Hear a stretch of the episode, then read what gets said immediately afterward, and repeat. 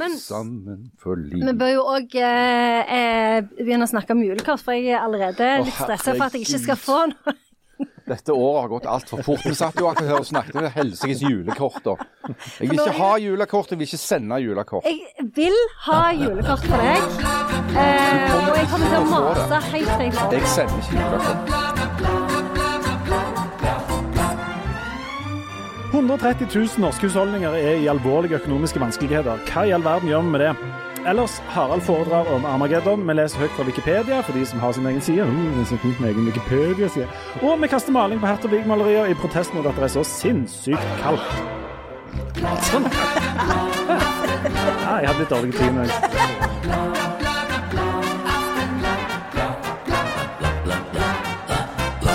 Hjertelig velkommen til Aftenbladet. Vi har med oss eh, Fifa-president Jan Sahl. Shalabais, uh, today I feel um, yeah, like an Arabic, Arabic uh, gay person from the outside. Og vi har òg med oss lederen av den katarske qatarske organisasjonskomiteen, Harald Birkevold. Hjertelig velkommen. Hallo. Ikke det, nei? Jeg, jeg holdt på å si noe som jeg ikke Ja, burde sagt. det kan du vente. Bare, det kan du si senere. Vi har òg med oss uh, keepertreneren for Jugoslavia, Jan Stigen Brangsholt. Hjertelig velkommen til deg. Uh, og uh, meg sjøl, Dommeren uh, nemlig. I Kjøpt og betalt. Kjøpt og betalt. Kjøpt og betalt. Og nå, eh, eh, mine kjære venner, må dere høre godt på dette. Venner. starting to give moral lessons to people. Today, I have uh, very strong feelings. I can tell you that. Today, I feel uh, Qatari. Det er lov å kommentere. Er dette eh, han Infantino? Today, I feel Arab. Jeg liker kunstpausen mellom hver ting som man Today, I føler seg. feel African. Afrikansk, ja. Men nå er det ikke mer. Today, I feel uh, gay. Å ja! det er det, ja. Nå er det slutt. Today, I feel disabled. Å ja. Det er så mange følelser. Today, I feel uh, a migrant work. Oi! Nei, nei, uff. Dette er altså For eh, et fjols. Han var woman woman òg, var det ikke det? Gian Nanini. Ja. Men dette er altså Gian Nanini eh, Infantino. Og han er altså sjef eh, for Fifa, som eh, arrangerer eh, VM. Og han er òg en eh, hva skal vi kalle han, en kommunikatør av Guds nåde? Eller er det å strekke det litt langt?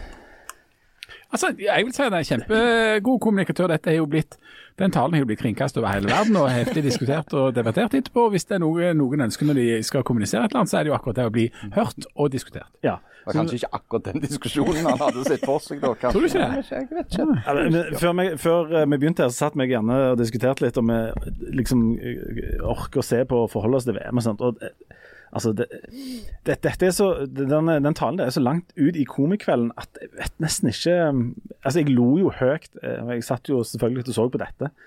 Og jeg visste Jeg trodde det var tull. Altså, jeg tenkte Nå har de der, eh, de der AI-robotene som, som liksom lager sånn deep fakes-greier, nå har de kommet langt med dette er ekte greier. Um, Ja. Men, ja, men igjen så er det OK. Nå er det jo sånn nå, nå, Nå- er Nå kommer det noe Ja, nå er det kjedsomheten som slår inn igjen. Ok, Så holder han en idiotisk tale, og så er det sånn der han uh, hylekor fra Vesten der alle er helt klissenige igjen. da, sant? Ja. Sånn at det er jo det er, det er vanskelig å si noe originalt interessant om dette. Ehm, det, det jeg syns er interessant her eh, Vi snakket jo på forhånd om hvordan på en måte mediene skulle forholde seg til dette. her, Og, og mediene driver med en form for sånn kryssdekning, der en skal liksom være eh, kritisk og lage sånn reportasjer om, om fremmedarbeidere og, og, og, og fæle forhold, samtidig som de skal rapportere om hvem som slår hvem i disse fotballkampene, som jo er kjempeuinteressant. Men, men så sendte jo Sier den nyfrelste fotballfanen Jan Zahl. Se et Bare bevis. vent litt, så må se ferdig. Bare se bevis også sendte, men så sendte jo NRK Jama Wolasmal, som er en enormt god journalist. Og jeg kan bare sitte der noen av de tingene som han har levert der nede fra eh, Doha eller Qatar, eller hva det er for noe, som har vært veldig interessant, fordi han har rapportert om hva folk tenker der, eller hva folk snakker om i Midtøsten. Altså, eh, som sier at i Midtøsten er det en enorm stolthet over at VM blir arrangert i Midtøsten. De er kjempestolte av Qatar, som har løftet dette på beina, og at en er litt sånn lei av at Vesten skal komme med sine vestlige og liberale verdier og fortelle disse folka der nede hvordan de skal ha det, og hva de skal tenke og hvordan de skal være. Og Det er veldig interessant at han er der nede for å fortelle, for det er enormt lett å sitte i disse redaksjonene og rundt omkring på fotballpubene her oppe i Vesten og synes at alle burde ha vært akkurat sånn som oss. Og så er det veldig bra å få høre der nede, for da at dette kan fortone seg litt sånn ovenfra og ned, litt sånn overformiddelsk, og helt på grensa til det en tidligere ville snakket om, sånn imperialistisk og kolonialistisk. Altså, Vi skal bli fortalt at altså, hele verden skal gjøre akkurat sånn som vi syns at det er rett å gjøre det. Og så blir det en clash her, da, for det går ikke helt i hop. Men de orker ikke å se mer enn 45 minutter med fotball. Oh, det, var- blir det var faktisk veldig- jeg- litt Det var for mye. veldig slitsomt å høre Jan igjen prøve å være kontrær. Altså, Jeg bare refererte hva Åh, jeg Yama blir- Mal Jeg blir fortalte. veldig, veldig trett av det. Nei, men, Men, men det er jo Nå sier jo Jan akkurat det samme som Fifa-mannen sa i resten av talen sin. Fordi at. Ja, ja, ja. Det, det var jo nettopp det at det, Hvordan kan dere snakke mot Vi skulle ta ansvar for 3000 år Ja. med kolonistyre. Nemlig. 3000 år? Hva slags historiebøker er det han har lest? Nei, han har lest de beste. Okay. De med mest fakta.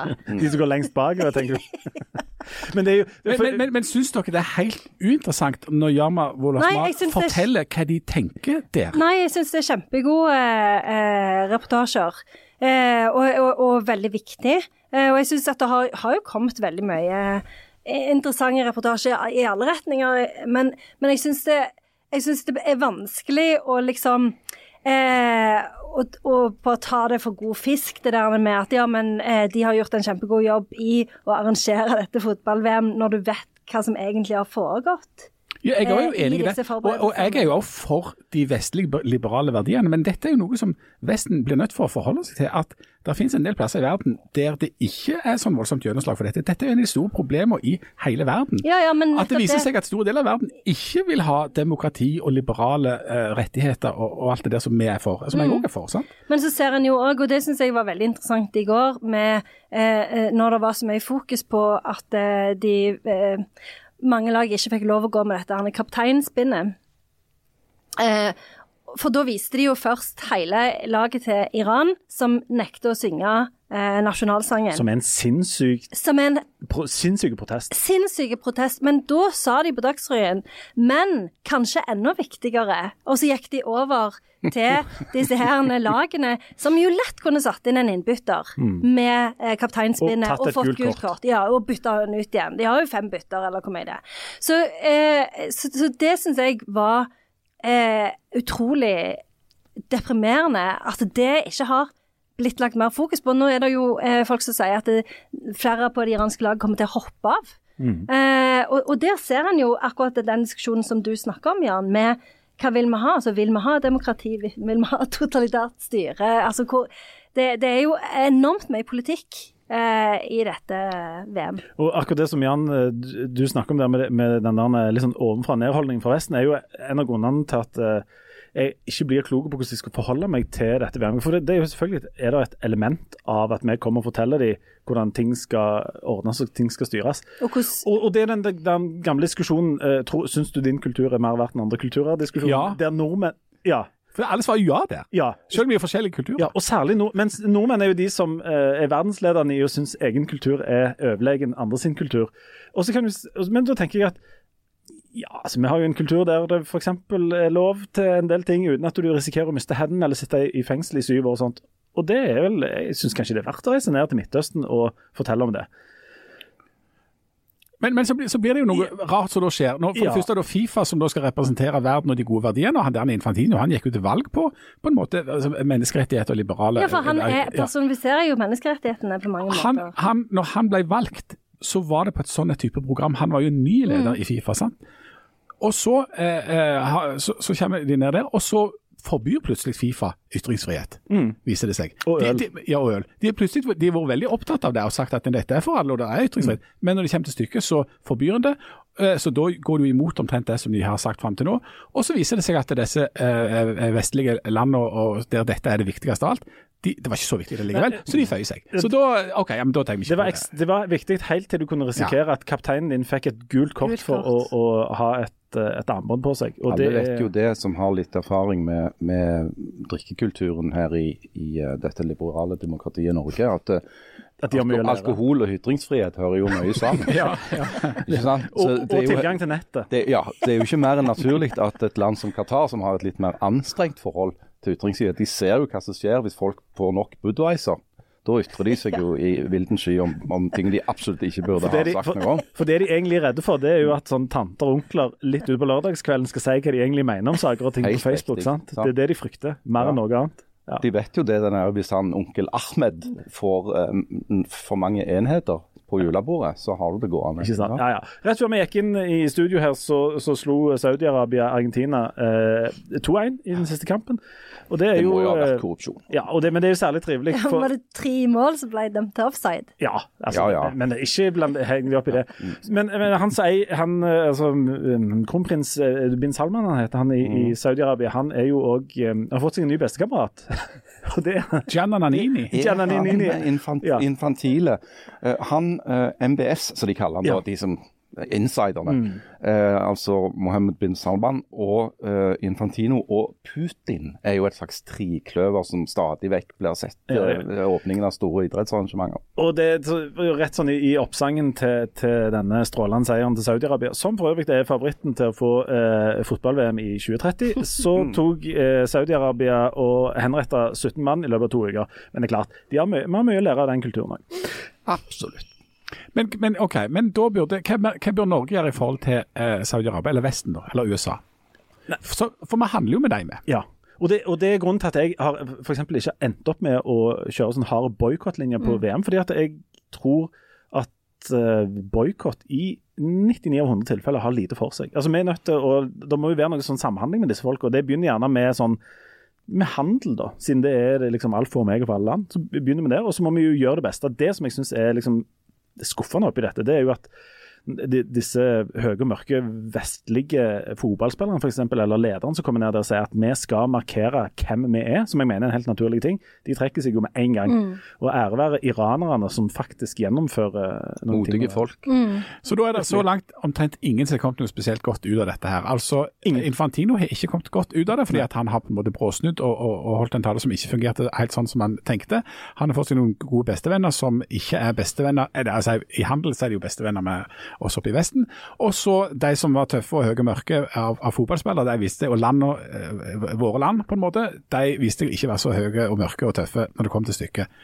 Så så langt går det skikkelig bra. Det går skikkelig bra. Og De eneste som tjener på dette, her er jo de som tjener, skal telle penger i etterkant. Fordi at Hvis ikke det var noe å tjene på dette, så var det ingen som hadde holdt på med det. Utenom Budwiser, med mindre de har fått betalt i forkant. Og i Norge var det jo opprør på, på dette internettet mot at ikke de fikk lov å drikke øl der nede på tribunene. Noe som for øvrig er helt likt sånn som vi gjør det i Norge. Så der har jo norske kulturen altså, og er Midtøsten noe til altså, felles. Qatar er jo i Syden, det må vi være enige om. Ja, det det er varmt, Det- det er og da skal du ha øl. Det skal du. Jeg har trykt et voldsomt flotte hotell rundt omkring der i det området. Dubai Ja. og, og, og Doha. Og, ja, og, ja, og gjestene sover i sånne telt og konteinere, men det går fint, for det er ikke mer Jeg enn 40 tenkte på grader. det i en av de trillion sakene jeg har lest om dette mesterskapet, at de har jo ikke nok hoteller i den Doha.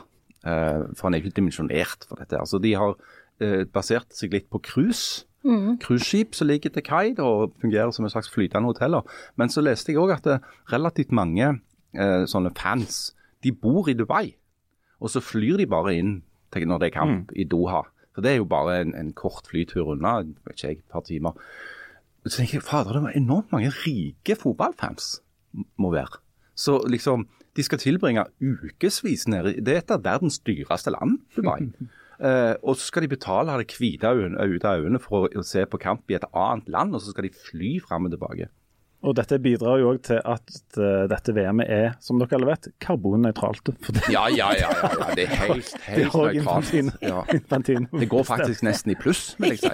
Og det går voldsomt i pluss. Ja. Og det er jo eh, en, en god nyhet. For du Harald, du har jo, nå har jo du isolert deg oppe på dette, denne festningen din i Suldal i noen uker. Riktig. Eh, og der har du jo gjort den tabben du alltid gjør, nemlig at du tar med deg noe litteratur opp. Og så kommer du tilbake, og så blir du dypt deprimert og skal spre det videre til dine medmennesker. Og denne gangen har du rett og slett tatt for deg undergangen, sånn som jeg har forstått. Ja, jo, altså dette var jo fordi at jeg skulle forberede meg på Jeg skulle ha en sånn der bokbad og forfattersamtale på, på Sølvberget nå senere i uka med Maja Lunde.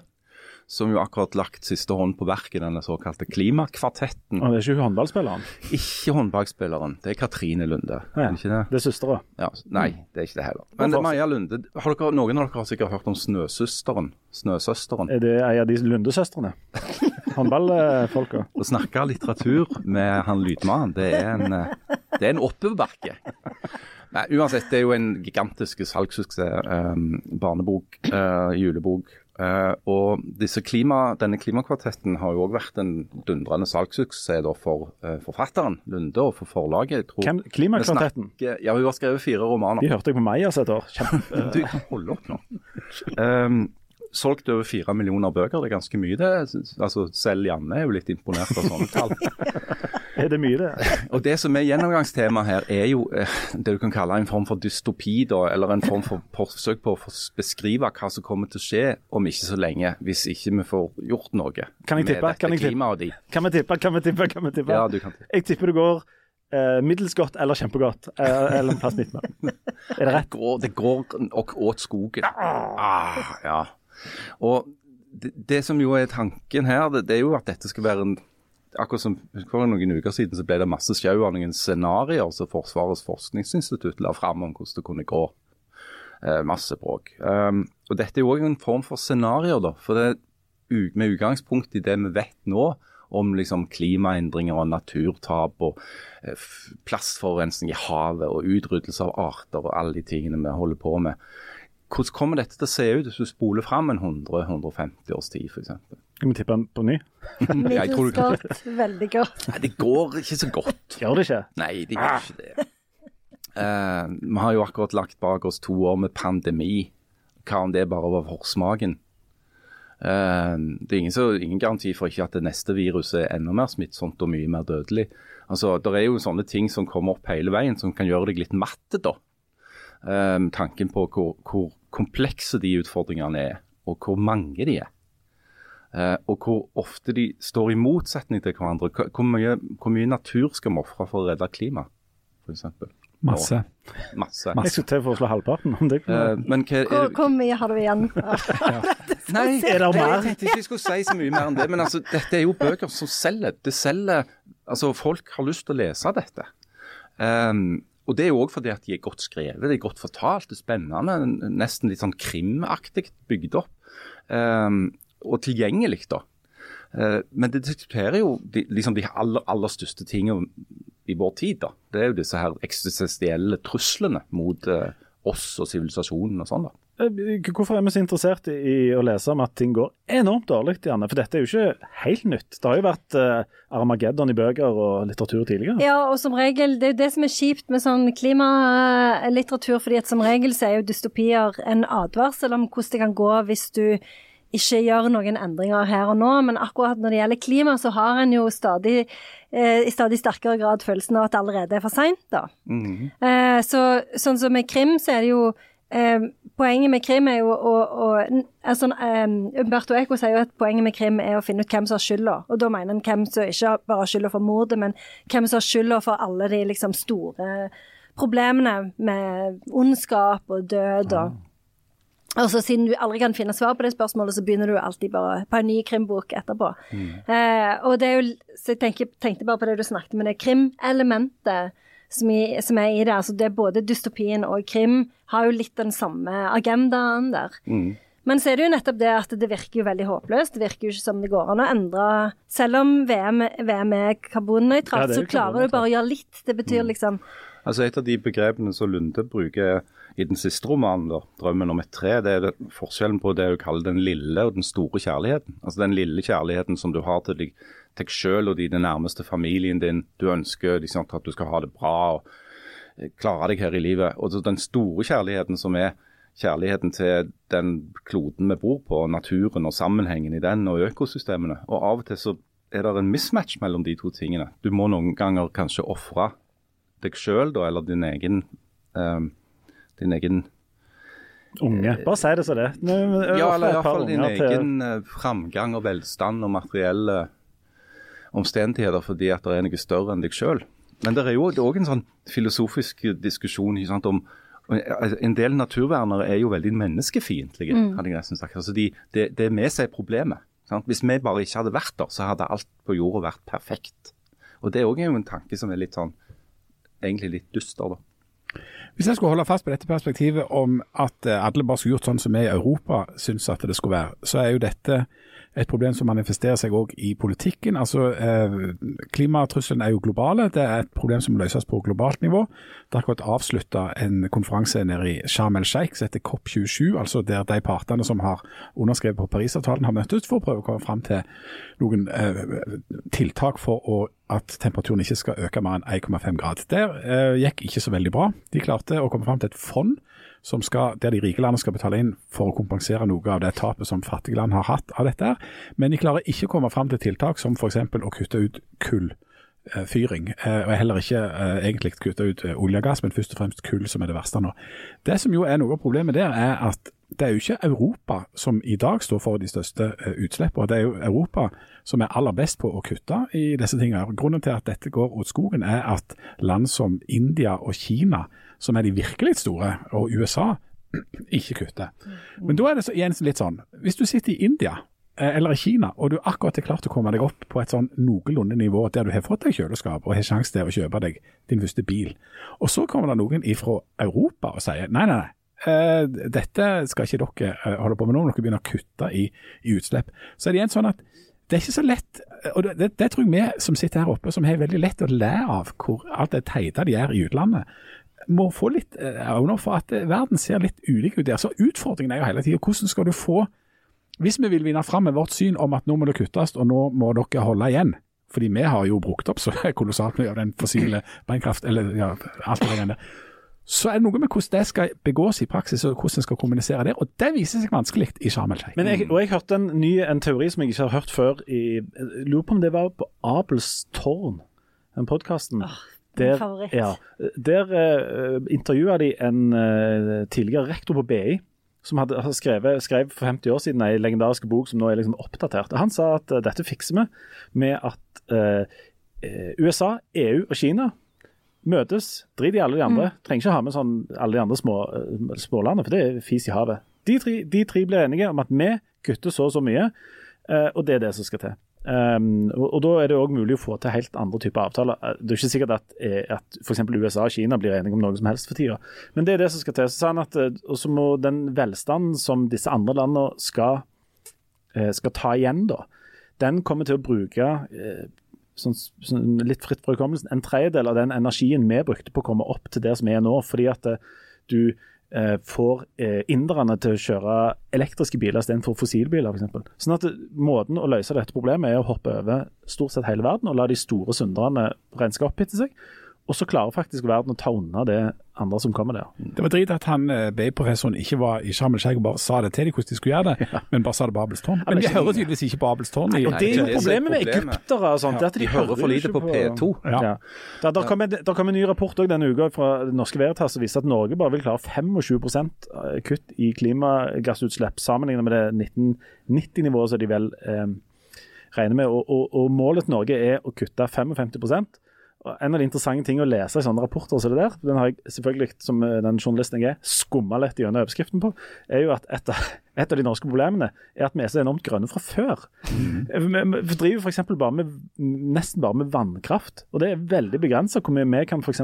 sånn prosentvis eh, senke det, Vi har jo en genial forretningsmodell fordi at vi bruker bare vannkraft selv, og så selger vi olja til de andre, sånn at de kan svi den av. Og den regner vi ikke med, for så lenge, nei, nei, nei. så lenge den brennes nede i Storbritannia, sånn, så er det deres problem, ikke vårt. Og så er det sånn, og, og der, er, der er noe av problemet her, da, at eh, med naturvernerne da, at, som står på og sier ja det er dobbeltmoralsk av oss at vi pumper opp all den olje og denne gassen som vi sender ut og liksom er så store på en måte bidragsytere i dette regnskapet. så Nå må vi kutte tilsvarende mye mer hjemme hos oss selv.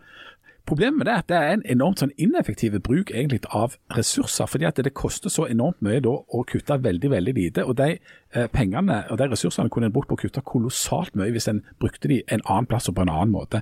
Sånn at Det der med å, å balansere og ikke på en måte bli tatt for å, å være sånn dobbeltmoralske, men samtidig være rasjonelle og ikke bare drive på med sånn symbolpolitikk det, det, er ikke løye de ikke kommer fram til ting. Vi kommer ikke fram til ting i Norge engang. Det er kjempefrustrerende. Vi kommer ikke fram til noe her inne engang. Men vi, gjør, vi skal gjøre et forsøk. Disse miljøkrigerne har jo nå um, det er et fenomen, et litt sånn internasjonalt fenomen som virkelig har kommet til Norge nå. Det er jo at de som står lengst framme i, i, miljøkrigen her, har begynt å enten lime seg fast til ymse forskjellig fra kulturhistorien, eller rett og slett hive maling på ting. Det siste vi så i Norge, var vel monolitten.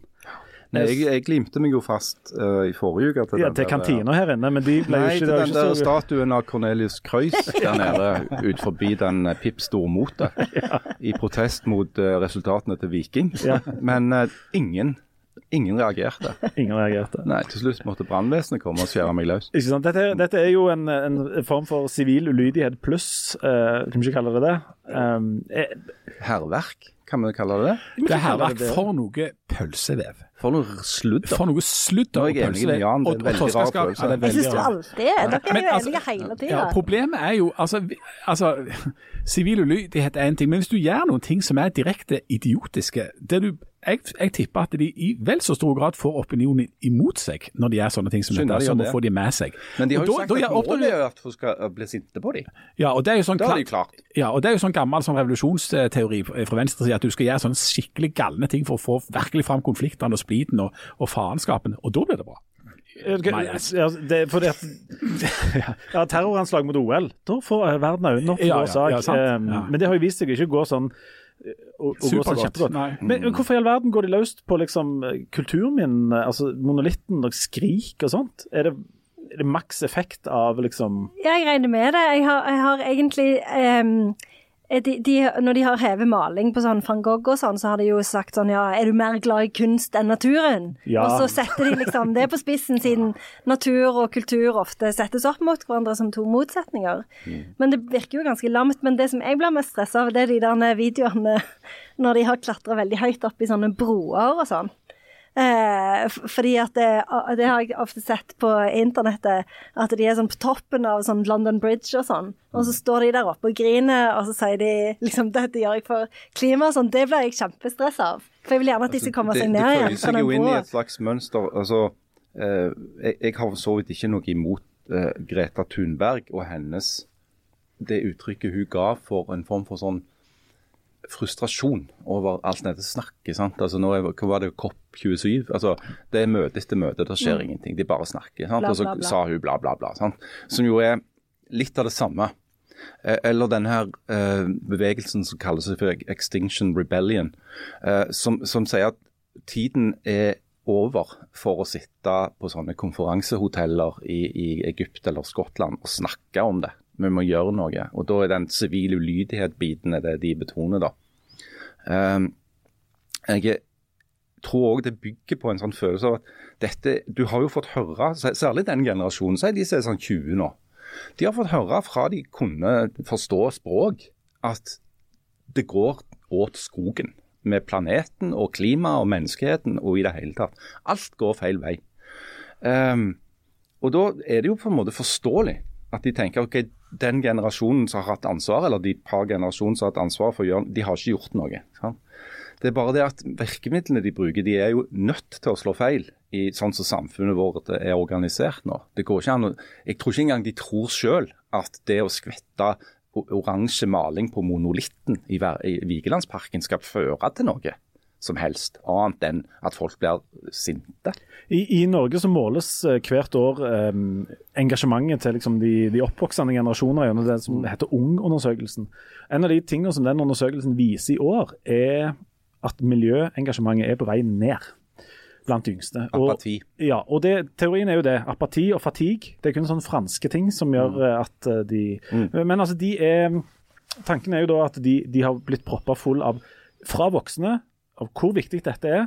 Og så gir de den samme beskjeden tilbake igjen, bare med mm, på en måte i et litt annet språk. Eller hyling, eller hva, hva det nå skal være. Og så skjer det ikke en puck, og så tenker de nei vel, fuck it. Da gidder vi ikke. Mm. Uh, og det går det jo an å forstå. Um, Men du har jo òg hatt aksjonisme de siste årene som har vært mer altså old school. Altså Jeg var jo i sin tid i, i Natur og Ungdom og engasjerte mot uh, helt sånn konkrete mot ting. Sånn, industrielle sånn, revolusjon? Nei, eller mot dumping av gruveavfall i Jøssingfjord, f.eks. Ja. Fra Titania. Uh, og, og, det var jo det også mot denne dumpingen i Repparfjorden, ikke sant? dette gruveanlegget i Førdefjorden. Um, det har vært aksjonisme retta mot vindparker. Eh, bl.a. på Fosen.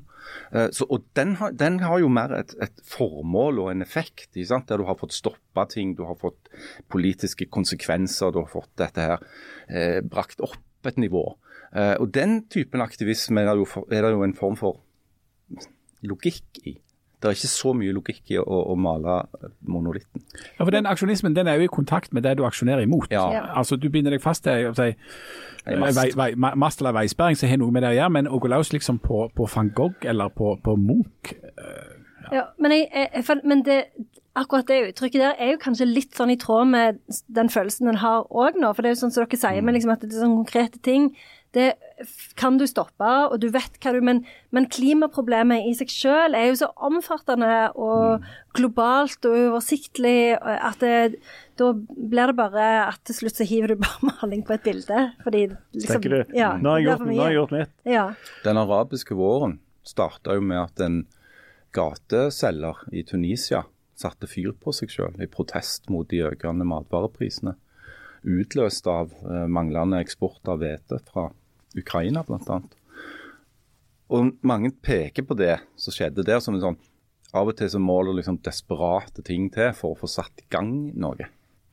Um, men det må være målretta på en måte. Det må være tima på en måte som gjør at folk forstår det.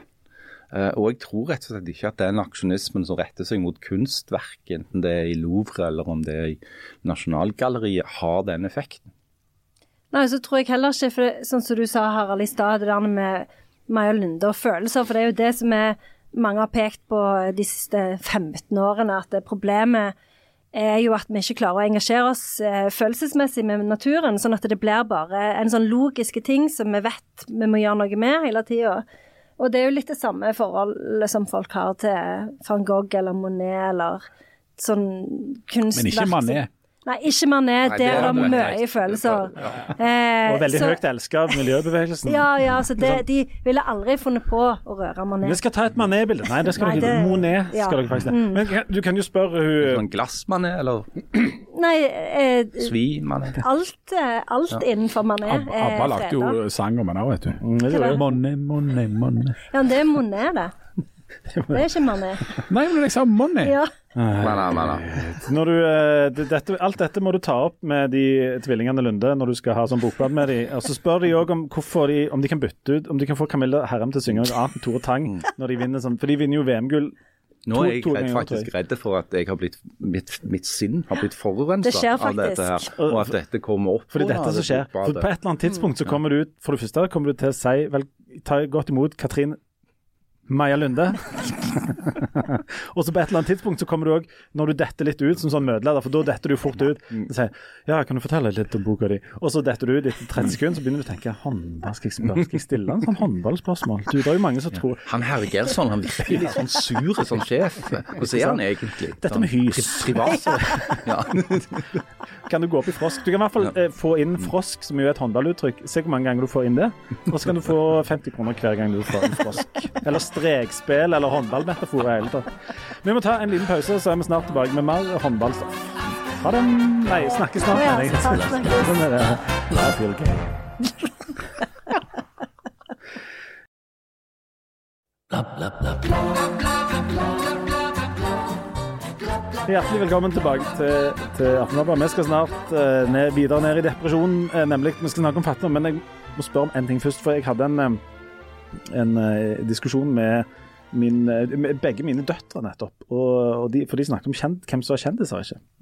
Dette var i forbindelse med at Eh, det ble klart hvem som skulle være med i Farmen kjendis, eller 71 grader kjendis, eller Kanskje eh, Kompani Lauritzen? Kompani Lauritzen ja. kjendis. Jeg, tror, jeg, har en teori om at vi snart er tomme for kjendiser, for det at jeg kjenner aldri igjen noen av de. Ja, men det er jo ja, eh, ja. Nei, og, ja, det er jo fordi at vi er for gamle og kjenner ikke vet ikke hvem som har liksom, hatt en monsterhit på LinkedIn og sånn. Ja, men det, er jo, men det er jo det som er, men det er jo det som er så gøy, for at det er mange for, Nei, det er ikke gøy. Men, jo, det er løye, fordi mange av, mange av de som er kjendiser nå, er jo kjendiser fordi de har vært med i så mange sånne reality-program. Ja. Så de er jo bare sånn reality-kjendiser. Men ofte når de skal presenteres, da, så står det komiker. Ja. Det er tydelig at komiker ikke er en sånn beskytta tittel. Ja, men de er ufrivillig komikere. Ja, ja, det er vel kanskje litt ja, det, da. Men, eh, men ofte òg er det jo sånn at når de skal si, sånn som du sier Hvis, de skal, hvis noen skal forklare hvorfor de i utgangspunktet liksom ble med i sitt første reality-program, så er det jo ofte fordi de har hatt et eller annet som jeg ikke forstår. Nemlig. Sånn, eh, ja. Ja, det- Noe video Ja, eller de kledde av seg på, på flikr, eller, eller, eller, er et eller annet ja. ting som jeg ikke forstår. Men det er noe greit. Men jeg spurte når er du kjendis? For det var det jeg lurte på, hva som var liksom deres perspektiv på når du var kjendis.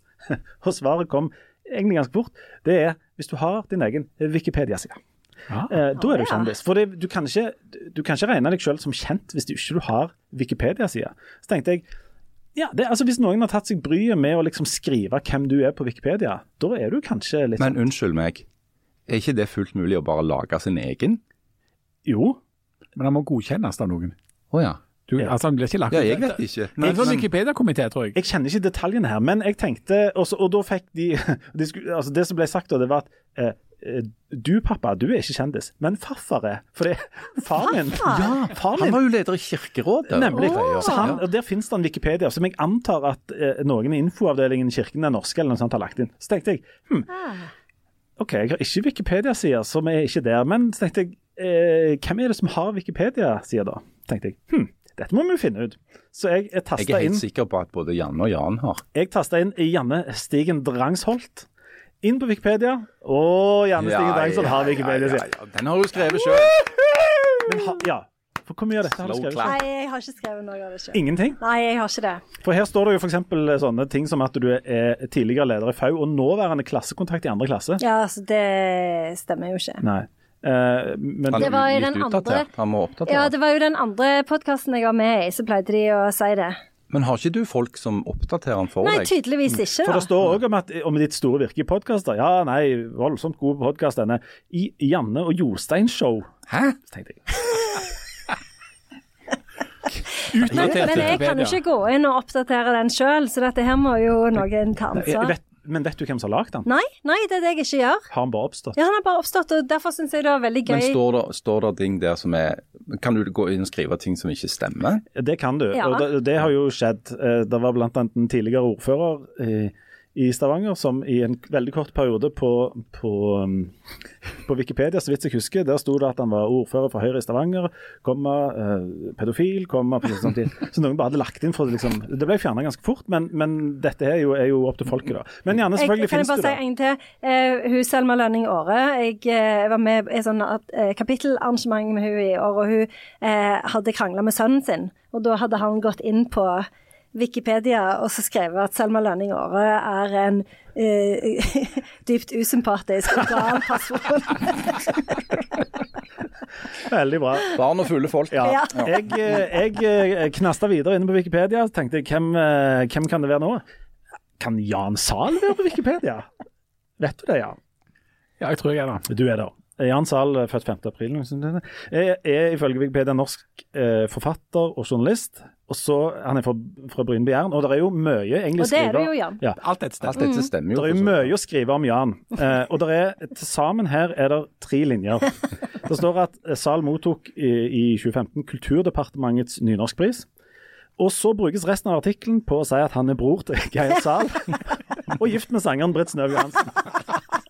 Men det står ingenting om at han òg er målblom Nei, nei, nei. fra Rogaland Det det, viktigste med han er jo at han er bror til noen, at han er gift med noen. Ja, ja. Um, og så står det òg Det er sånn opplisting er søsken Geir Sahl. Så der mangler det jo faktisk Ja, det noe. Og så tenkte jeg uh, eh, det står ikke bøkene der. Um, det står at du har skrevet Jo, selvfølgelig. Det står at du har gitt ut en bok om musikkgruppen Keisers Orkestra. uh, om bror din, altså. og jo, så er det ei liste av utgivelser, men eh, jeg har ikke tenkt å nevne det. Eh, så tenkte jeg eh, Harald Birkevold han må jo være på Wikipedia. Nei, nei. han er ikke på det. Men, Men er bilder? Ja. men og dette tror jeg er en sånn um, det, Jeg tror ikke det er et plaster på såret, jeg tror det er bare et nytt slag i magen. For du er på noe som heter everybodywiki.com. Hva er det? Jeg vet ikke hva det er. Det, Hæ? Hva står det da? Jeg klarer ikke å se? Nei, Les det for oss. Altså, her står det jo Harald Birkevold, uh, født eh, 1867. Er en norsk journalist. Han har siden 1998 vært tilknyttet Stavanger Aftenblad. Ikke ansatt, tilknyttet. Ja, det er nok en mer presis måte å si det på. Ja. Eh, Så står det at han har vært leder for avisens avdeling for undersøkende journalistikk, og vært ansatt som kommentator og lederskribent. Du er ikke Eh, ikke liksom kommet høyere enn det. Men dette må jo òg oppdateres. Ja. Men hvem, er- hvem som kan ha skrevet dette her? Jeg aner ikke. Og så søkte, måtte jeg jo selvfølgelig søke på meg sjøl. Ja. Finnes ikke. Ingenting. Ingenting. Nada. Og jeg lurer på hva som må til for at på en måte noen tar grep her. Kan Harald. Ja, noen noen der ute ta grep og opprette en Wikipedia-side for Leif Tore Linde, Jeg får Harald Birkevold først, og så kan du eventuelt ta meg etterpå. og eventuelt for meg? Og jeg, og jeg tror kanskje at med å si det at vi åpner et slags sånn vepsebol og noen ting som jeg ikke vil, men uh, nå, er, nå er det i hvert fall registrert. Og jeg Det er dette du ønsker deg til jul. Det ble Ja. helt Det er åpenbart. Ja. Egen Wikipedia-side. Det hadde vært fint. da. Kjendisstatus. I hvert fall like kjent som far min, Ja. tidligere leder i Kirkerådet. Ja, ja. Og jeg kan si til ungene mine at jeg har egen Wikipedia-side. Nok om det. Da lukker vi den døra, og så åpner vi døra til Å, gleder dere dere? Fattigdom. Ja, ui. Fattigdom. Eh, i, au, det, det, nå kommer det noen tall, og de er fra eh, august 2020. Eh, August! Da så jo ting faktisk litt bedre det er ut. akkurat det de gjør. Det er verre nå. Ja. Eh, altså 130 000 husholdninger, altså rundt 5 er 5% Jan. Prøv- Her er det brød, brødsirkus. Eh, av nordmenn er i alvorlige økonomiske vanskeligheter. Alvorlig. Ytterligere 280 000 Nei, ingenting. Eh, eller, el, Tomati! eller, Det er grei el, månedslønn, det. ja, ja, eller 11 slitøkning i månedslønn. Det ble veldig, veldig førende her. Eh, vi, prøver, vi prøver på nytt. Og så tror jeg vi dropper tallet og skal bare si det med bokstaver. Ja, Skal for det? jeg datt veldig Ja. Det, det, det er ikke før men Er du mindre enn 280 i morgen? Jeg vet ikke. Nei, du er mer enn det. Ja, ja. Det er altså dobbelt det var, Nei, jeg jobber jo i staten. Ja, du gjør det. Og i eh, det private næringsliv, og i det kirka, og i offentlige og i Der er det Om mye. dere to kan holde opp nå. Så vi begynner helt på nytt. Ja, begynn på ny. Mye Begynn kortere. Begynn på ny. Det er dobbelt så mange fattige nå som det var året før. Nesten sju av ti husholdninger i Norge må gjøre eh, tiltak for å få endene til å møtes, eh, som det heter. Eh, viser en rapport fra Forbruksforskningsinstituttet SIFO. Eh, eh, Matsentralen, Frelsesarmeen og andre som deler gratis mat, melder om en enorm økning. Bare Matsentralen regner med å dele ut ti millioner måltider i år. Eh, og hvis de skulle kunne dekke behovet, så regner de med at de måtte ha hatt 20 millioner måltider å dele ut. Um, og dette er altså i uh, Norges rikeste land i 2022. Mange av disse tallene er faktisk såpass gamle at de er tatt før denne inflasjonen begynte å bite skikkelig. Rentene begynte å stige, og vi vet at det ble tyngre for um, ganske mange. Um, uh, og så, For vi er inne i det som heter dyrtid, uh, som vi ikke har hatt på, på veldig lenge kjennetegn av tre ting. Det er mange som må ta van, altså sånn vanskelige valg i hverdagen. Altså eh, om de skal betale strømregning eller gå og handle mat. Um, det er tegn på matfattigdom. Altså at eh, en av ti husstander oppgir at de enten står over måltider, oppsøker matstasjoner eller kontakter Nav for å ha nok penger til mat. Um, og, Det siste punktet som kjennetegner denne dyrtida, er at folk melder om mye lavere økonomisk trygghet, og at sparepenger blir brukt opp til um, det jevne, altså vanlig forbruk. Og husk på at dette òg skjer i en periode hvor det er veldig mange folk i jobb. Altså det er lav arbeidsledighet. Nesten ingenting.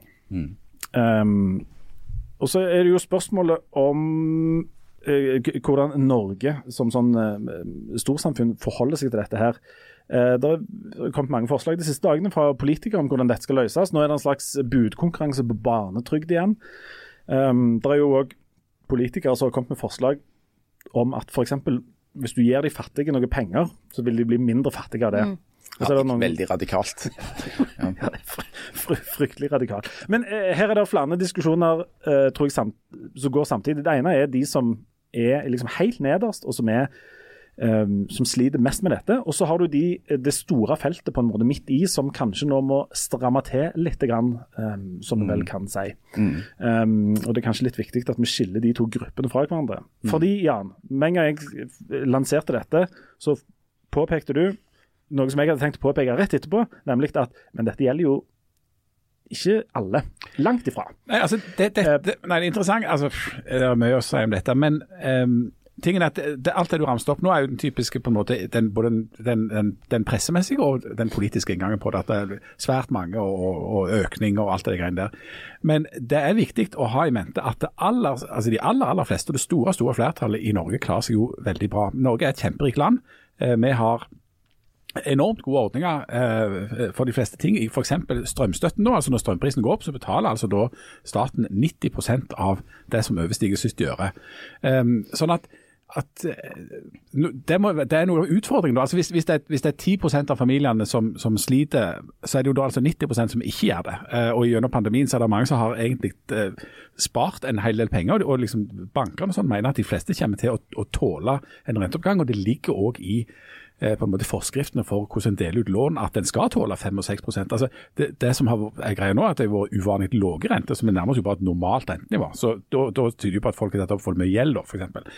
Sånn at en, Den politiske og samfunnsmessige og mediemessige også, på en måte utfordringen er jo hvordan skal du treffe de som da trenger hjelp, hvis det er sånn at det store flertallet klarer seg uten hjelp. Og, hva, hvor, og, og, og hvor går grensene for hvor mye en skal hjelpe? Altså Det er jo at en må knipe inn det er at nordmenn bruker mindre strøm, mindre energi, og muligens kutter noe forbruk, og om de kutter noe gjeld. Det tror jeg i seg selv er bare en bra ting. Det er jo ikke en krise. Vi, har vært, eh, Norge, Norge, ligger i verdenstoppen i gjeldsgrad. Vi har sannsynligvis for mye gjeld. Det gjør ingenting om vi roer noe på det. Det gjør ingenting om vi skrur av lyset i de rommene vi ikke er i. Altså, og vi tenker kritisk gjennom sitt eget forbruk og skjærer noe ned på det. Det er noe helt annet enn å ikke ha mat å sette på bordet, eller ikke kunne betale strømregningen, eller ikke kunne la ungene delta på fritidstilbud. Så hvordan treffer du målretta deg? Ja, gode forslag. Det var debatt på det på TV, men det var ingen fra regjeringen som møtte opp. Nei, Nei de, de, de trekte på det etterpå. De, de hadde tid til å være med etterpå og si at de skulle ha vært med på den forrige. Ja, ja. de hadde tid å komme i Politisk kvarter dagen etterpå ja. og si at det var litt dumt at uh, de ikke kom. Uh, altså Det var jo en litt sterk seanse, uh, leda av, av Fredrik Solvang der på Debatten på NRK. fordi at det var jo fire veldig modige damer som, som var der for å fortelle om de problemene de står oppi, som jo ikke alltid er selvforskyldt. Altså, du, kan, du kan risikere å havne i en sånn fattigdomsspiral fordi du blir syk eller skada. Eh, fordi du eh, opplever å, å miste partneren din sant? Eh, på den ene eller andre måten. Eller fordi at du får et multihandikappa barn som gjør at du ikke kan jobbe fordi at du er nødt til å være hjemme og ha omsorg for det barnet. Det er, er, veldig mange historier som handler om veien inn i en sånn situasjon. Og så er det jo som, som Johan sier, så er det sånn ca. 10-11% av husholdningene i Norge som er, akkurat nå har akutt akutte problemer. altså i den forstand at de, de, har ikke nok penger til det de trenger penger til akkurat nå. Men så er det i tillegg til det en stor gruppe som står helt på grensen til å havne der. Og så har du, og det er noe som kanskje eh, bekymrer en del samfunnsøkonomer, en ganske stor gruppe som egentlig er middelklasse, men som har så høy gjeld eh, og har tatt så høy risiko i sin privatøkonomi at de fort kan havne i en sånn situasjon. Hvis f.eks. rentene fortsetter å stige, og en av de f.eks. mister jobben. Vi så jo et frampeik om hvor, hvordan dette kan gå her i vår region, når oljeprisen kollapsa i 2014-2015. Eh, hvor mange tusenvis av rogalendinger ble permittert eller arbeidsledige hvordan eh, bankene måtte sette krisestab for å finne ut hvordan, okay, hvordan skal vi forholde oss til dette. her da? Eh, hva kan vi tilby av avdragsfrihet og utsettelser for eh, hadde jo en tanke om at dette er noe som kommer til å gå over, noe det òg gjorde. Eh, hva kan staten stille opp med av garantier og i det hele tatt. Sånn. Men, men det, som, det, som, skjer nå som er litt bekymringsfullt, er jo at den globale trend Altså dette Prisstigningen er et globalt fenomen, energiknappheten er et globalt fenomen. Og det kan bli langvarig.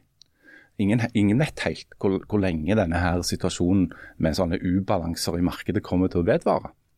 Eh, og det er jo bekymringsfullt, mener jeg. At vi kan få en situasjon hvor en ganske stor andel av oss kommer til å ha dårlig råd ganske lenge. Og Dette snakket vel du om uh, sist, Jan, at det er noe av det farligste sånn, politisk er jo å gi folk smaken på et veldig godt liv, og så begynne å trappe det ned.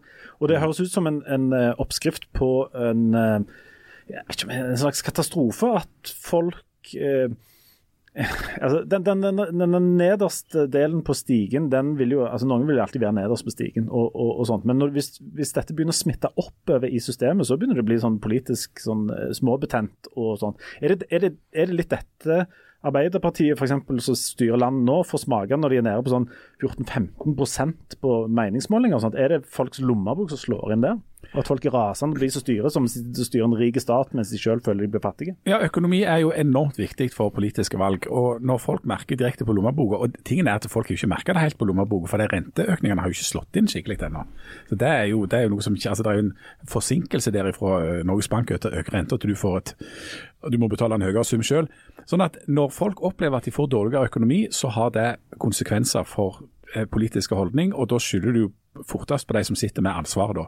Eh, og Det er da altså Arbeiderpartiet som skulle nå altså ordne opp for vanlige folk. Og vanlige folk eh, har nok problemer med å se på hvilken måte livet deres har blitt bedre nå. Og Så kan en diskutere årsakene til det. sant? Der, der prøver jo Jonas Gahr Støre, som er veldig god på utenrikspolitikk, eh, å, snakke om situasjonen i verden og, og, og krigen i Ukraina. og Det, har sikkert mye for seg på, på ganske mange punkter. Altså, men problemet hans er hvis den forklaringen ikke når hjem til folk, så er de, nå, nå, hadde de en, en måling på 16,9 i forrige uke, nå i denne uka 15,6, som er helt sånn ellevilt dårlige tall. Det er jo en utålelig situasjon, det er iallfall min mening, for et eh, sosialdemokratisk parti som i Norge òg har sett på seg selv som nærmest statsbærende. Eh, å se på en situasjon hvor eh, du har en, en så, så kraftig vekst i akutt fattigdom og når flere og flere innbyggere i denne her velferdsstaten vår er avhengig av privat veldedighet for å klare å, å få mat på bordet, eh, det, det, det, strider jo mot alt et sosialdemokratisk parti liksom skal stå for, med at alle skal med, og at du skal ha en politikk for å utjevne og fordele eh, for å unngå sånne ekstreme utslag. Dette er jo eh, du, du kan se liksom konturene av at Norge begynner å ligne mer på på andre land, hvor du har mer en sånn sementert underklasse. En sånn prekariat av folk som, som, har valget mellom flere dårlig betalte jobber og aldri egentlig klarer å karre seg over den grensen hvor, hvor det er spennende på feil måte da, hver måned. Altså Oppstår det en uforutsett utgift, eh, ryker vaskemaskinen, så, så kan liksom hele korthuset falle sammen. Eh, som du har sett f.eks. I, i Tyskland etter denne her store trygdereformen, Hartz-reformen i, i, Tyskland. Eller som du ser i Storbritannia i dag, hvor en opprørende stor andel av befolkningen har, eh, lever i økonomisk utrygghet. Men ja, Derfor så virker det jo som en god idé å faktisk gjøre barnetrygden behovsprøvd sånn som de foreslår nå. Fordi Siden disse problemene i stor grad skyldes dyrtid, og at faktisk strømmen har økt, eh, og matprisene har økt. Eh, så, så, og, og, siden det er mye barnefamilier som blir ramma, enten det er hele familier eller aleneforsørgere, så, så, virker jo det som en god idé. Men det har jo vært snakket om i, i 100 år. Men mange ideologer i arbeiderbevegelsen vil være uenige med mm. deg. Ja. Ja, for, men jeg så Hadia Tajik hadde foreslått det mm. nå. Ja, Noe av det interessante i det politiske nå er for det første at eh, velgerne stemmer da, nei, altså de strømmer til Høyre der er redningen uh, for veldig mange, så de var vel oppe i sånn 5-36 altså elleville tall der. De bare, med, bare, ved å sitte helt i ro. Bare ved å sitte mm. helt i ro, Men òg med å uh, foreslå noe som jo tradisjonelt sett ikke har vært det Høyre drev på med, nemlig å foreslå en økning i barnetrygden på 3000 kroner mm. til alle, uavhengig av hvor mye inntekt de måtte ha. Altså en universell ordning. Mens altså Arbeiderpartiets Hadia Tajik plutselig går ut og begynner å snakke om behovsprøvd mm. barnetrygd. Og Da er vi altså i en situasjon der de to partiene gjør nøyaktig det motsatte av det de har gjort fram til nå. For det er Arbeiderpartiet som har argumentert for at visse eh, gode skal være universelle, det skal du få uavhengig av eh, behovsprøving. Mens Høyre har sagt at det er de som har behovet som bør få pengene. Mm. Så det er veldig merkelige tider. Ja, og for de som er opptatt av politisk historie, så var jo det der med behovsprøving var jo opprinnelig en arbeiderbevegelse. Altså Einar Gerhardsen ville nikke gjenkjennende til det som Hadia Tajik sa. Og Einar Rose. Nei, altså, men på et tidspunkt så snudde det om. For det er tanken der, og det, denne kjenner jeg ganske godt til, det er jo at universelle ordninger er med å skape bred støtte om de ordningene. Altså det vil si at at når jeg får barnetrygd som ikke trenger det, så vil jeg være mer positiv til å støtte det òg når det blir en borgerlig regjering. Men Det er derfor du har født så enormt med unger rundt omkring? sant? Stemmer det. Det er barnetrygda som ja. lokker. Men ja, for dette, Hvis vi skal se på da, hvem som er hvem er på en måte fattige i Norge? Så, så har Nav skrevet om det på sine egne sider. Eh, og De skriver at det finnes i Norge da veldig få egentlig såkalte working poor, altså det som er et problem f.eks. i USA. altså At lønningene er så lave at selv om du jobber, så er du allikevel fattig. og Du må ha både to og tre jobber. Eh, men men, men eh, lavinntekt i Norge er veldig forbundet med småbarnsfamilier. Altså, det er veldig mye med unger. Ja. Småbarnsfamilier, enslige forsørgere, barnerike familier, folk som bor alene, personer eller familier med innvandrerbakgrunn, sosialhjelpsmottakere og ulike trygde- og stønadsmottakere. Så det er knytta til barn og til familie og til eh, trygdesystem. Egentlig er det jo òg vel, i veldig stor grad eh, knytta til tilknytning til arbeidslivet. Altså eh, er det en eller to som er aktive i arbeidslivet, og hvor mange unger har dere dere skal forsørge? Ja, for Det er jo en, en ting som den der fortellingen om at det går så godt i økonomien, eh, tilslører. Det er jo at Når vi sier at det er veldig lav arbeidsledighet, eller de, de fleste som kan jobbe, har jobb, eh, den snakker jo ikke om alle de som står utenfor arbeidsmarkedet fordi de er pensjonister eller fordi de er på ulike former for trygdeytelser eh, og har permanent nedsatt arbeidsevne. Og det er sånn at De aller fleste pensjonistene har veldig god råd, men det, det er noen få minstepensjonister som har veldig dårlige råd. Men det er mange uførepensjonister som har veldig dårlig råd. Også, og, og, og tallet på uføre i Norge øker jo, det kan vi snakke om en annen gang. Den er nå, de er nå oppi, altså Det er over en million pensjonister, og så er det over 360 000 som er uføretrygda i Norge. Det er, der er også et annet, um, et annet forslag som kommer, og det er en slags sånn hurtig uh, quick fix på fattigdomsproblem, nemlig å gi dem noen penger. For en måte å løse det at folk har eh, lite penger på, er jo å gi dem noen penger.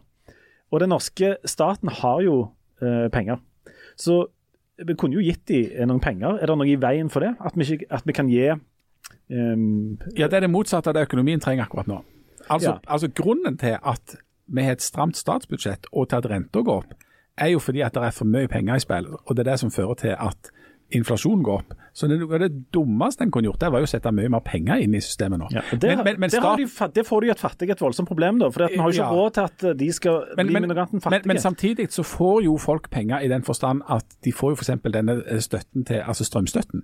Hvis, altså at hvis strømmen blir for dyr, så får de hjelp til å, for vi hjelp til å betale. Det er jo en overføring derifra.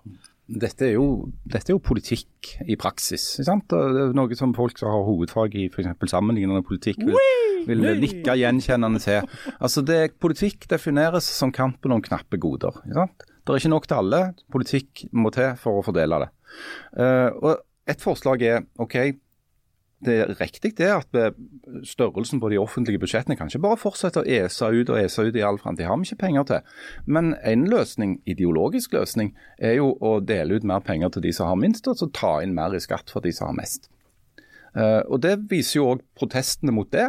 eh, Fra den politiske høyresida f.eks. viser jo at det er en reell interesse mot seg. Det er en kamp mellom interesser i samfunnet, rett og slett. Eh, Der, der høyresida ideologisk vil være forsvarere av eh, de som har, altså, interessene til de som har et økonomisk overskudd. Eh, og De kan ha mange gode grunner for ikke å betale det hvite ut av øynene i skatt, selvfølgelig. Det ser vi jo nå i debatten om lakseskatten f.eks. Men på den annen side, hvis ikke de som har mest penger skal kunne bidra mer, hvem- skal da? Men hvis du ser på den politiske eh, popularitetskonkurransen som en meningsmåling er da, så er det jo tydelig at det er flere nå for tida som da går til høyresida sine løsninger, altså til Høyre, enn til Arbeiderpartiet og Senterpartiet. Som er interessant i den kompliserte Men husk også på situasjonen at partiene til venstre for Arbeiderpartiet òg vokser. Men ikke like mye som Høyre. Nei, det er riktig. Så er det noe med de, altså, De er jo mindre òg. Ja. hvis, hvis, hvis folk er så fattige at de ikke har råd til å bo i Norge, så går det an å flytte til Sveits. Det har jo, det har jo Eller mange som- Qatar. Ja, eller Qatar, for eksempel. Ja. Og hvis du er skilt, så kan du gi huset til ekskona Hæ? før du flytter til Sveits. Kan du Ja, det? ja, sånn som noen gjorde, ja. Ja. Stemmer det. Og da, for det, Kjell på Inge gjorde det. Han ga jo den svære, digre huset sitt i Bærum til Ja, ja. Jeg ekskona før Ja, han til Sveits. Jeg trodde vi var inne på de der håndballtvillingene, så du skal intervjue om denne, denne boka om, om Spør om det òg. akopalypsen. Ja, ja, jeg skal det spørre de tvillingene om det med det huset. Om du tror du kommer- Forvirringen blir komplett. Om du tror du kommer til å blande Kristine og Og Katrine, for de heter jo Men det er jo Kjersti Lunde òg. Er det ikke det? Å nei. Jo. Ikke, ja. Ikke si mer. Eh, Men det, alle disse er jo eh, barn av Kjellbjørg Lunde. ja, ja, selvfølgelig. Er de det?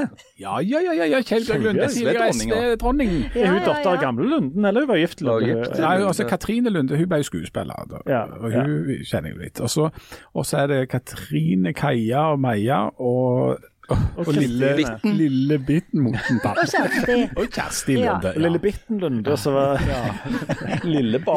ja. Ja. Ikke Bitten Lunde, som de kalte henne. Hun var Hun var jo forkortet til å bli håndballspiller, så hun ble skuespiller istedenfor. Så, eh, så hadde du det gående. Kan du få autografen til oss fra de tvillingene Lunden, tror du? Kan vi begge? Jeg gruer meg sånn til dette her. Men hvorfor skriver de under sånn pseudonym, eller skriver de sammen, og så bare istedenfor å bygge Jeg tror Maja er et kunstner, eller et sånt Ja, ja, det kunstnerkollektiv. er Er klassisk kunstner. Jo, jo, det er det. Det er alle Lunde. Alle Lunde med. Alle skal med. kan du spørre hvordan de får tid til å skrive sånne bøker om apokalypsen sånn, mens de liksom er med, med Camilla Herrem? Og de Men det kan jo faktisk være et råd hvis vi skal eh, hva det heter, end on a positive note. Nei, det synes altså, jeg ikke. Budskap til de som da sliter med å få uh, endene til å møtes Mm. så snart er jul. Bare begynn å skrive bestselgerromaner. Er Kjempegod idé. Eller å kombinere det gjerne med håndballspill på svært høyt nivå. Ja. Så kan du komme, komme Så skal du se at ikke det, ikke blir ordne seg, dette her. Ikke sant? Men eh, eh, skulle, skulle vi ikke snakke om jul? Eller, eh, jul? Det er, det er, jeg, jeg bestemte meg når vi begynte her, at det er én gang for tidlig. Er det, ja, men det, er det det ikke første er det ikke første søndag i advent nå til helga? Tar Jo, jeg det feil? er det. OK, vi kan si, åpne døra bitte litt. For det første, og vi, vi kan ta livet av folk som sier første advent. Hva hva jeg sa Første søndag i advent. Dette, Du skal bare si Dette er første søndag i Det er advent. noen som sier bare første advent. Du er sa det jo akkurat nå. Første sa jeg ikke første søndag i vet ikke må advent. spole tilbake her. Du sa søndag. Alle- Ja, jeg gjorde første søndag i advent. OK, det var det du sa. Ja, det er lov å si. Nei, hva var det du ville si om jul? Så du begynner, å bli- begynner å bli glede deg? Ja. Skal du gjøre det helt enkelt? Ja. Nei, jeg ville bare minne Egentlig ville jeg bare Å nei! Om du skal begynne å om de der julekortene nå. Dette er fra, fra nå og fram til jul så er dette Jannes eh, julehjørne. Jeg ville bare minne dere, for jeg har allerede fått mine julekort. Så mine er klare. Er de Så, tatt i Hellas i år òg? ja.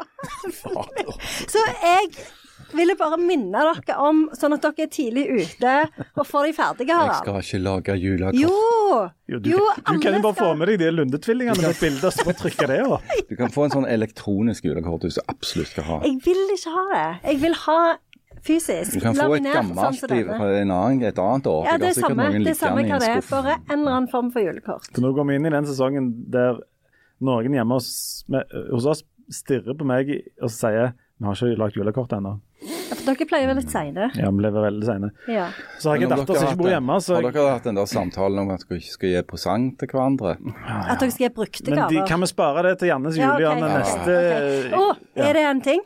Er det en ting? Ja, Jannes, Jannes Jannes er Ja. Det ble en ting nå. Ja. Ja, all right. innført fra nå av. Ja, Hvis er dere har innspill til Jannes julehjørne og- temaet dere vil hun skal ta opp der, så send det gjerne For jeg har jo de beste juletipsene, faktisk. Jeg har det. Jeg har så mange gode juletips. De kan spørre om hva de vil. Spør om hva dere vil Ja. på Send inn. clowns. Enormt Å, nå, gleder jeg meg. Jeg er så sliten Jeg har, jeg har så mange gode tips. Dere kan spørre meg. Og fram til jul så blir det en time om Armageddon pluss Jannes juletips. Jeg er enormt, enormt sliten nå. Men helt til slutt nå, så har jeg, jeg har nå sendt en e-post til vår venn emissæren med teksten til Gianni Infantinos sin Ja. tale, og lurte på altså han er, Jeg syns ikke han er sånn kjempegod på sånn engelsk-italiensk, men jeg lurer på om han kan klinge om, om Hvordan det hadde klunget på, på, på jærsk simultanoversatt. Så jeg lurer på om vi skal avslutte både denne poden og emissæren inn i studio, ja, da. og, og debuten til Jannes julehjørne med å gjenta uh, denne talen. Uh, take it away. I dag er jeg så sterke følelser. I dag jeg meg katarsk.